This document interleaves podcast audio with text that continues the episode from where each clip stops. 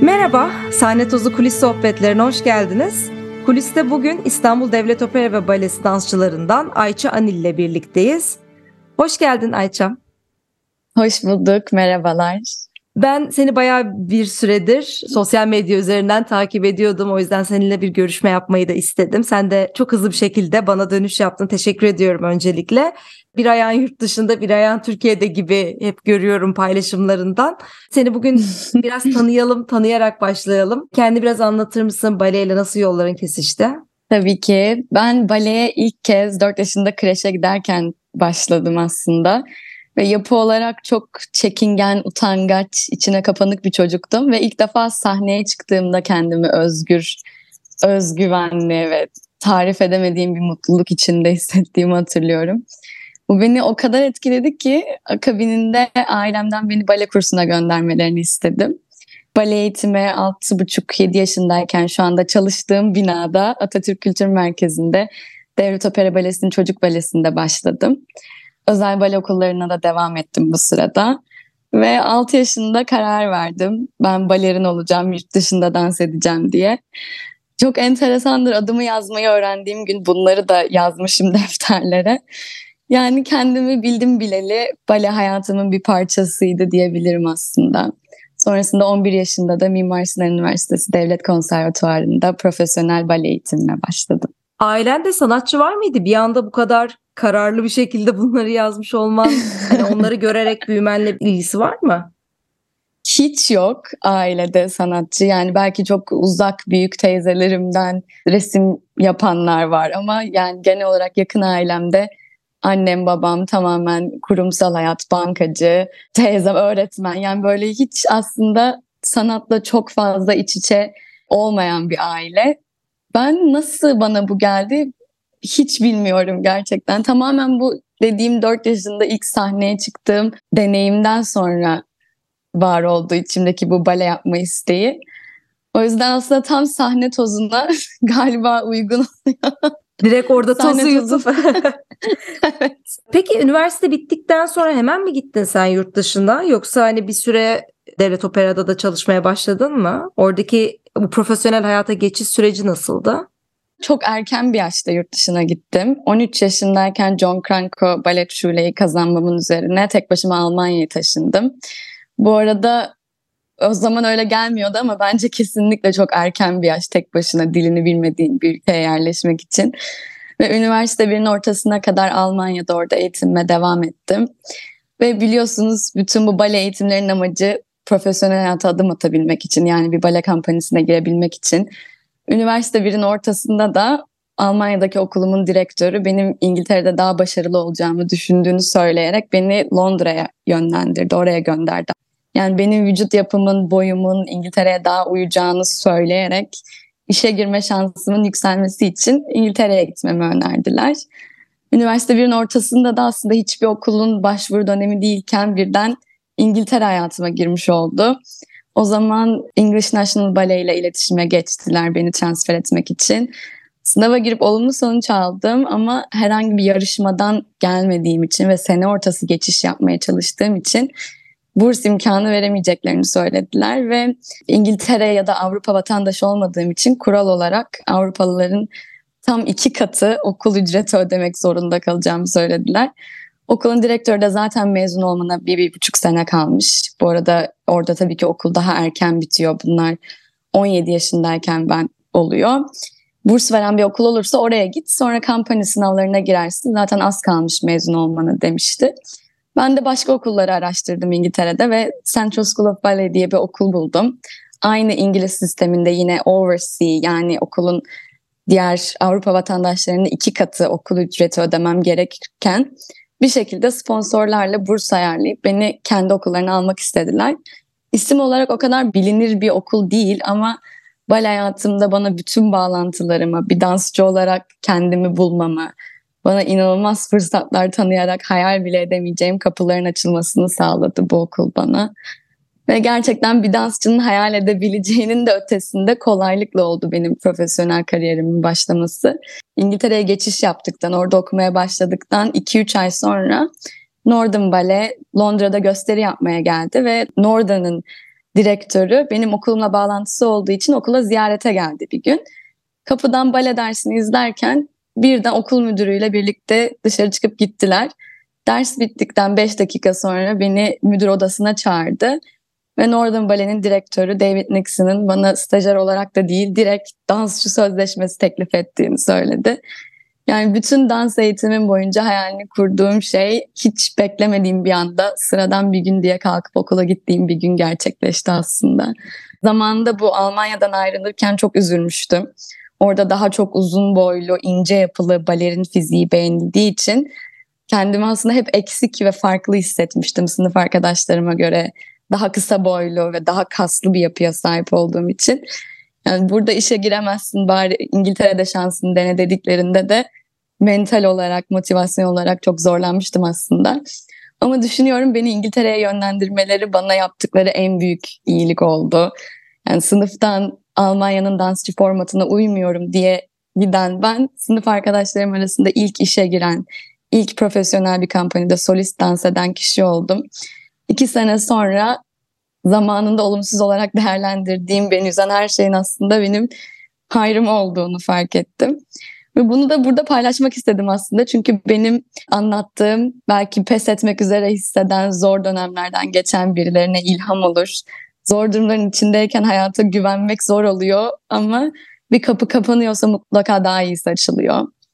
İnsan hiç pes etmeden kendine inanarak azimle, keyifle çalışmaya devam ettiği sürece başvuru bile yapmadan işe girmek gibi profesyonel hayatın ilk senesinde solist dans etmek gibi mucize denilebilecek durumlarla hayat kişiyi ödüllendiriyor. Ve İngiltere'de bana dans etmek için şanslar verildikçe, orada deneyim kazandıkça yapamayacağımı sandıklarımı yapabilir hale geldim zaten. Bir dansçı olarak kendimi bulmaya başladım. Baleye evet İstanbul'da başladım. Erken yaşta Almanya'da devam ettim. Ama ilk defa İngiltere'de sanatçı olmanın ne demek olduğunu anlamaya başladım galiba. Northern'da bir buçuk sene dans ettikten sonra pandemiden kısa bir süre önce baleyi bırakma kararı alarak istifa ettim. Ve Türkiye'ye geri döndüm. Hiç beklenmedik bir karar oldu benim için ama o şekilde Türkiye'ye geri döndüm yani. Uzun bir süredir Türkiye'de değildim. Peki o kararı niye aldın? Hani bu arada anlattıkların çok da güzel. Hani hiç bölmedim. Çünkü hepimiz hayatımızın belli yerlerinde ya bu niye benim başıma geldi? Niye böyle oldu? Hep böyle sorgularken buluyoruz. Hmm. Sonra aslında o yaşanan şeyin ya iyi ki yaşanmış ve insan kendisiyle ilgili farklı farklı yönler keşfetmeye başlıyor bir zorluk yaşayınca. Ne kadar güçlü Kesinlikle. olduğunu ya da ne kadar bakış açısının genişleyebileceğini falan bir, bir sürü şey fark ediyor. Bence senin bu hikayen de çok güzel ve bunu gerçekten vurgulayan bir hikaye olmuş. Bırakma kararı nasıl geldi ama onu merak ettim. Benim için de aslında hayatım boyunca hiçbir zaman baleyi bırakmak istemeyen biri olarak çok büyük bir karar oldu ama sanırım bunun çok erken yaşta tek başına yaşamaya başlamakla alakası, ilgisi var. Bütün hayatım boyunca aslında bir orada yurt dışında bir kampanyaya girebilmek için, solist dans edebilmek için çabaladım ve çok fazla baleye odaklı bir hayat geçirdim. Çok hırs dolu, istek, şevk dolu. Ne kadar bunlar iyi olsa da aslında biraz dengesiz bir yaşam tarzım vardı. Ve galiba bunlar beni biraz erken tüketti. Yani baleyi ne zaman 20 yaşındayken bıraktım. Bir buçuk sene kadar pardon 21 yaşındayken aslında kariyerimin tam yükselişe geçtiği bir noktada bu kararı aldım.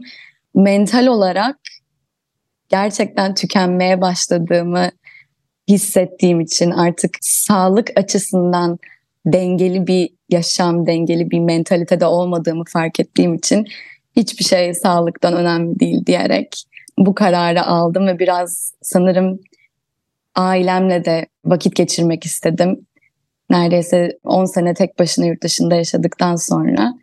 Ve galiba aslında hayallerimin birçoğunu erken yaşta gerçekleştirmiş olmak bana bu kararı verdirtti. Yani yapmak istediğim şeylerin çoğunu çok erken bir yaşta elde edince yapınca biraz içsel olarak rahatlamaya başladım sanırım. Kendime bakabildim, kendi zihnime, bedenime. Ben iyi miyim? Ben nasıl hissediyorum? Ben şu anda mutlu muyum diye sorabildiğim anda birazcık zamana ihtiyacım olduğunu, hayatımda, zihnimde bazı şeylerin değişmesi gerektiğini düşünerek bu baleyi bırakma kararını aldım. Ama nitekim çok uzun sürede dayanamadım balesiz kalmaya. Ama beni gerçekten bu bir buçuk sene ara vermiş olmak çok değiştirdi. Bir sanatçı olarak da değiştirdi. Çünkü artık bale yapmak zorundayım. Bale benim tek mutluluk kaynağım diye değil. Bale yapmadan da mutlu olabiliyorum evet. Ama benim ruhum kendini dans ederek ifade etmek istiyor. Ve böyle bir şeyi bulduğum için çok şanslıyım. O yüzden sadece bu keyfi paylaşmak için, bu keyfin motivasyonuyla dans etmek bambaşka bir his yarattı bende. Yani çok daha farklı bir kişi olarak hem geri döndüm baleye. Geri döneceğimi de düşünmemiştim aslında. Bütün pointlerimi, bale eşyalarımı çöpe atıp tamamen bambaşka bir hayata başlamak üzere döndüm. Ama ben değiştikçe, ben iyileştikçe dans da bana daha iyi gelir bir hale geldi ve o zaman geri dönmeye karar verdim zaten. Bale hep konuştuğumuzda bir şey. Aslında psikolojik olarak çok hazır olmak ve çok olgun olmakla da yapılması gereken bir şey. Yani sadece kasları güçlendirmekle değil, aynı zamanda psikolojik olarak da güçlü olmak önemli. Bence senin Kesinlikle. bu kendine mola vermen birçok insanın cesaret edemeyeceği bir şey de bir yandan. Çünkü hani baleyi bırakırsam Hı-hı. tekrar ne olur hani ben bugüne kadar hep baleyle var oldum bale yaparak buralara geldim bunu bir yerde bırakmak, düşünmek gerçekten çok güçlü bir psikolojiyle yapılabilecek bir şey. Ama kendini burada dönüştürüp tekrar dönmen şu an sana bambaşka bir gözle bakmanı da sağlıyordur baleye diye düşünüyorum ama tam bıraktığın dönem de bu pandemi dönemine denk geliyor değil mi? Sanki söylediğin evet. tarihlerden öyle anladım. Evet pandemiden birkaç ay önce bu kararı aldım ve hakikaten söylediğim gibi 4 yaşından beri kendi kimliğini baleyle, balerin olmakla tanımlayan, kendi öz değerini bale kariyerindeki başarısıyla ölçen biri olarak çok fazla şeyle yüzleşmemi sağladı aslında bu ara vermeye cesaret edebilmek. Dansçı olarak da değil bir insan olarak da çok daha fazla büyümeme, olgunlaşmama sebep oldu. Belki erken bir yaşta. Galiba dediğiniz gibi birçok insanın düşünüp cesaret edemediği bir şey belki de cesaret etmemesi gereken bilmiyorum. Yani bana iyi gelen, benim yolumda olması gereken buydu. Onu kesinlikle hissediyorum. Pişman da değilim aslında bu arayı verdiğimde. Hiç dönmemek üzere bıraktım. Belki o bana cesaret verdi.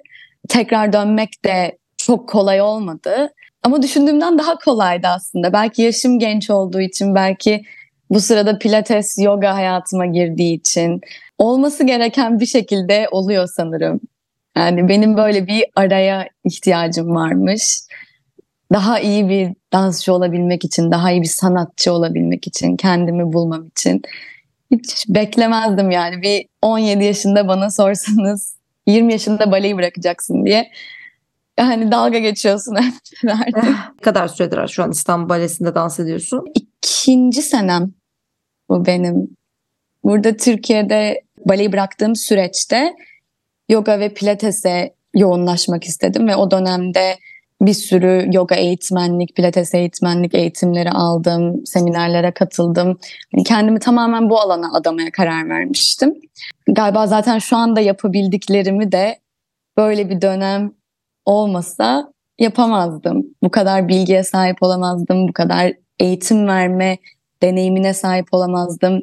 Baleyi hiçbir zaman bırakmasaydım diğer alanda pilates yoga alanında kendimi hiçbir zaman bu kadar hızlı bir şekilde geliştiremezdim sanırım. Türkiye'ye döndükten sonra eğitimleri alıp ders vermeye başladığım süreçte beni İstanbul Devlet Opera Balesi'nin o zaman şimdi direktörü, o zaman baş koreografiydi. Ayşem Sunal aradı. Zaten çocuk balesinde başladığım için İstanbul Balesi ile aramdaki iletişim hiçbir zaman tam olarak kopmamıştı. Yurt dışında dans ederken de, yurt dışında okurken de arada gelip derslere katılıyordum kampanya buradaki. Türkiye'ye dönmüşsün ve bale yapmıyorsun, hani ders veriyorsun, ne yapıyorsun sen diye telefonla beni aradı ve yakın zamanda İstanbul Balesi için sözleşme sınavı açılacağını söyledi ve o sınava davet etti. O sınava girmemi söyledi. Baleye tekrar dönmemi söyledi. Hiç baleye dönmek aklımda yokken çok değer verdiğim, çok hayran olduğum bir isimden, Ayşem Hoca'dan böyle bir telefona alınca tekrar dönmeye düşünmeye başladım ve artık hazır olduğumu, tekrar sağlıkla daha dengeli bir şekilde bale yapabilecek duruma geldiğimi hissettiğim için tekrar dönmeye karar verdim iki buçuk sene önce. Ve bu arada çok hızlı bir şekilde döndün gibi anlıyorum. Hem İstanbul Balesi'nde de devam ediyor provalarınız, işte göz temsilleriniz. Aynı zamanda da sanki yurt dışına da hala bağın devam ediyor. Oraya ara ara gidiyorsun değil mi? Evet, davet üzerine Devlet Opera'dan izin alıp misafir olarak İngiltere'deydim daha iki hafta önce. Londra'da Kenneth Macmillan projesinde yer aldım. Ve tabii ki hani orada farklı repertuarlar dans etmek harika bir fırsat oluyor gelişmek için. Yani Royal Ballet'in atmosferi, dansçıların mütevaziliği, profesyonelliği, sanata ve sanatçıya verilen değer her şeyle inanılmaz bir büyüleyici bir deneyim oldu benim için. Baleyi bırakmadan önce kurduğum bağlantılar orada beni izleyen direktörler, koreograflar sayesinde onlarla bağlantım devam ettiği için böyle arada izin verildiğinde gidip gelmeler yurt dışına devam ediyor. Çok Hala. da besleyici oluyordur eminim çünkü yani Türkiye'de çok fazla yabancı koreografın gelmemesi sebebiyle de belki o tarz fırsatları değerlendirmek hani gelişim için çok kıymetli diye tahmin ediyorum. Kesinlikle. Yani ben klasik baleyi de tabii ki çok seviyorum ama benim ruhumu besleyen, kalbimden geçen aslında birazdan neoklasik balelerde dans etmek. Yani tütülerin, tüllerin dansa gölge düşürmediği, pozisyonların daha özgür olduğu, dansçının yaratıcılığını ve özgünlüğünü daha çok ortaya koyabildiği balelerde dans etmeyi daha çok seviyorum. Yani Kuğu Gölü, Fındık Kıran, Uyuyan Güzel gibi masalların konu alındığı balelerdense Romeo ve Juliet, Manon, Concerto, Apollo gibi bazen daha abstrakt konuların işlendiği, oyunculuğun ve hikaye anlatımının daha ön planda olduğu eserlerde dans etmek en büyük hayallerimden. Türkiye'ye dönmeden önce Macmillan'ın Alessandra Ferri için koreografisini yaptığı Valley of Shadows eserinde dans etmiştim. O zamandan beni bildikleri için yine bir Macmillan Balesi'nde dans etmek üzere çağrıldım aslında. Hatta o Valley of Shadows döneminde Ferri'den 23 sene sonra bu rolü dans edecek ilk kişi olduğum için Alessandra Ferri gelip kendisi çalıştırmıştı beni ve o gün zaten neoklasik balelere aşık oldum zaten. Yani dansa bu deneyimler sayesinde daha önce aklıma hiç gelmeyen açılardan bakmayı öğrendim. Mesela Macmillan balelerinde genelde her adımın bir anlamı vardır aslında. Tabii ki her koreografın kendi dili var. Ama Macmillan'da bazen metafor olarak bazen birebir yansıtarak aktarılabiliyor bu. Mesela Juliet'in ayakları 5. pozisyonda başı yere doğru ayakları havada yaptığı lift aslında sadece güzel görünsün, atletik, değişik olsun diye değil. Hani ayaklarım yerden kesildi. I'm head over heels. Yani aşktan aklım başımdan gitti demek için. Yine Romeo ve Juliet'ten örnek vereyim. Juliet'in kalbinin yukarı doğru açıldığı lift hoş gözüksün diye değil aslında kalbim dolup taşıyor bedenime sığmıyor demek istediği için. Ve yine Alessandra'dan öğrendiğim şeylerden biri eğer bu anlam belirtilmemişse bu tarz neoklasik özellikle Macmillan balelerinde konuya o kadar hakim olunması gerekiyor ki en küçük adımda, kolun ileri uzanışında, ayağın öne kalkmasında yapılan her harekette o anda karakterin ne düşündüğünün, ne hissettiğinin, ne anlatmaya çalıştığını yansıtılması gerekiyor. Ve bence böyle bir yaklaşımla dans edildiğinde o zaman seyirci dansın dışında sadece izleyici kalmaktan çıkıp dans edenin hislerine ortak olarak hikayenin bir parçası haline gelip aslında duygusal, mental olarak dansı ve dansın aktardığını deneyimlemeye başlıyor. Bunun için dansçının kendisini o anda bütün o yansıtmaya çalıştığı duyguları gerçekten yaşaması lazım tabii. Sahnede bazen dansçılar birbiriyle dans ettiklerinde birbirlerine bakıyormuş gibi yaparlar ama aslında birbirlerinin gözünün içine bakmazlar mesela. Ferri özellikle bu tarz balelerde gerçekten bakıp karşıdakini görerek dans etmen gerekiyor demişti. Yani dokunuyormuş gibi yapmak değil gerçekten dokunarak, gerçekten görerek, bağ kurarak, hissederek. Böyle olduğunda biri canlandırdığı karakteri tüm duygularıyla, tüm varlığıyla hissederek dans ettiğinde o zaman ortaya 3-5 pürüvetten çok daha etkileyici bir performans çıkıyor bence. Yani ben de hayatı bu şekilde her yönüyle yansıtan, bale formatından çıkmayan ama dansçının hikayeyi daha özgürce ifade edebildiği baleleri seviyorum. O yüzden yurt dışında bu tarz eserleri dans edebilme şansına sahip olmak ve tabii hayran olduğum efsanevi isimlerle çalışabilmek, onlardan öğrenebilmek benim için inanılmaz değerli. Ay çok kadar güzel anlattın ki seninle bir baleyi birlikte izleyip hani bütün yorumları seninle böyle konuşa konuşa izleme isteği uyandırdın ya hakikaten o aşkı ya. öyle bir karşı tarafa geçiriyorsun ki sadece sözel bile olsa dans etmeden bile olsa heyecanlandırdın yani bu anlattığın ya, şeylerle. Teşekkür ederim. Çok güzel yani böyle kendini vererek tamamen adayarak tüm odağınla dans edebilmek bunu hem karşı tarafa yansıtmanın değeri çok fazla hem de bu şekilde hissederek dans etmek mükemmel bir his olsa gerek. Bu tarz konuları birçok farklı yerden bağlayabilmen noktasını çok beğendim bakış açını. Senin aynı zamanda çok teşekkür ederim. Birçok paylaşımın da var. Birçok ders paylaşımı yapıyorsun. Çalışma metotları paylaşımları yapıyorsun. Biraz ona da gireyim. Çünkü yogayı, baleyi, pilatesi yani birçok disiplini aslında öyle farklı harmanlayıp bunları küçük birer çalışma videosu haline getirerek paylaşıyorsun. Sosyal medyada da görüyorum. Bunları bir araya getirmenin birçok farklı konuyu birbirine bağlamanın nasıl katkıları var? Kimler bu tarz eğitimlerden senin kısa videolarından faydalanabilir? Nasıl güçlenebilirler?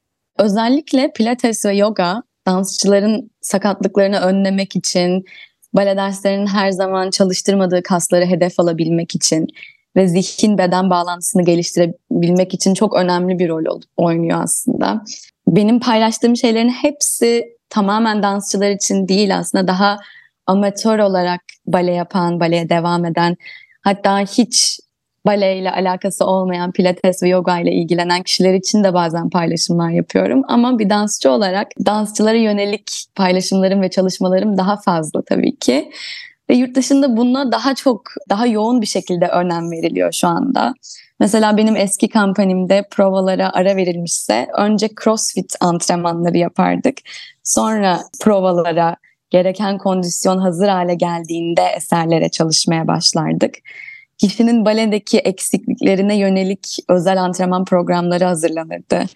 Neredeyse her sabah, neredeyse değil her sabah bale dersinden önce en az 15 dakika pilates, fitness yaparak grup halinde güne hazırlanırdık. Türkiye'de de aslında sezona ilk başlarken bale ve pilates dersleriyle başlıyoruz. Sonra provalar ekleniyor. Bunun dışında yani kampanyelerin desteği dışında dansçının aslında kendi sorumluluğunda kendi gelişimini ve bedenini nasıl koruduğu, yoga ve pilateste performansı arttırmak için, sakatlıkları önlemek için inanılmaz gerekli araçlar. Ben açıkçası pilatesin, yoganın bana faydasını de, deneyimledikten sonra keşke bunu daha önceden bilseydim dedim. Biraz da o yüzden başka insanlar da bunu demesin diye paylaşımlarımı yapıyorum.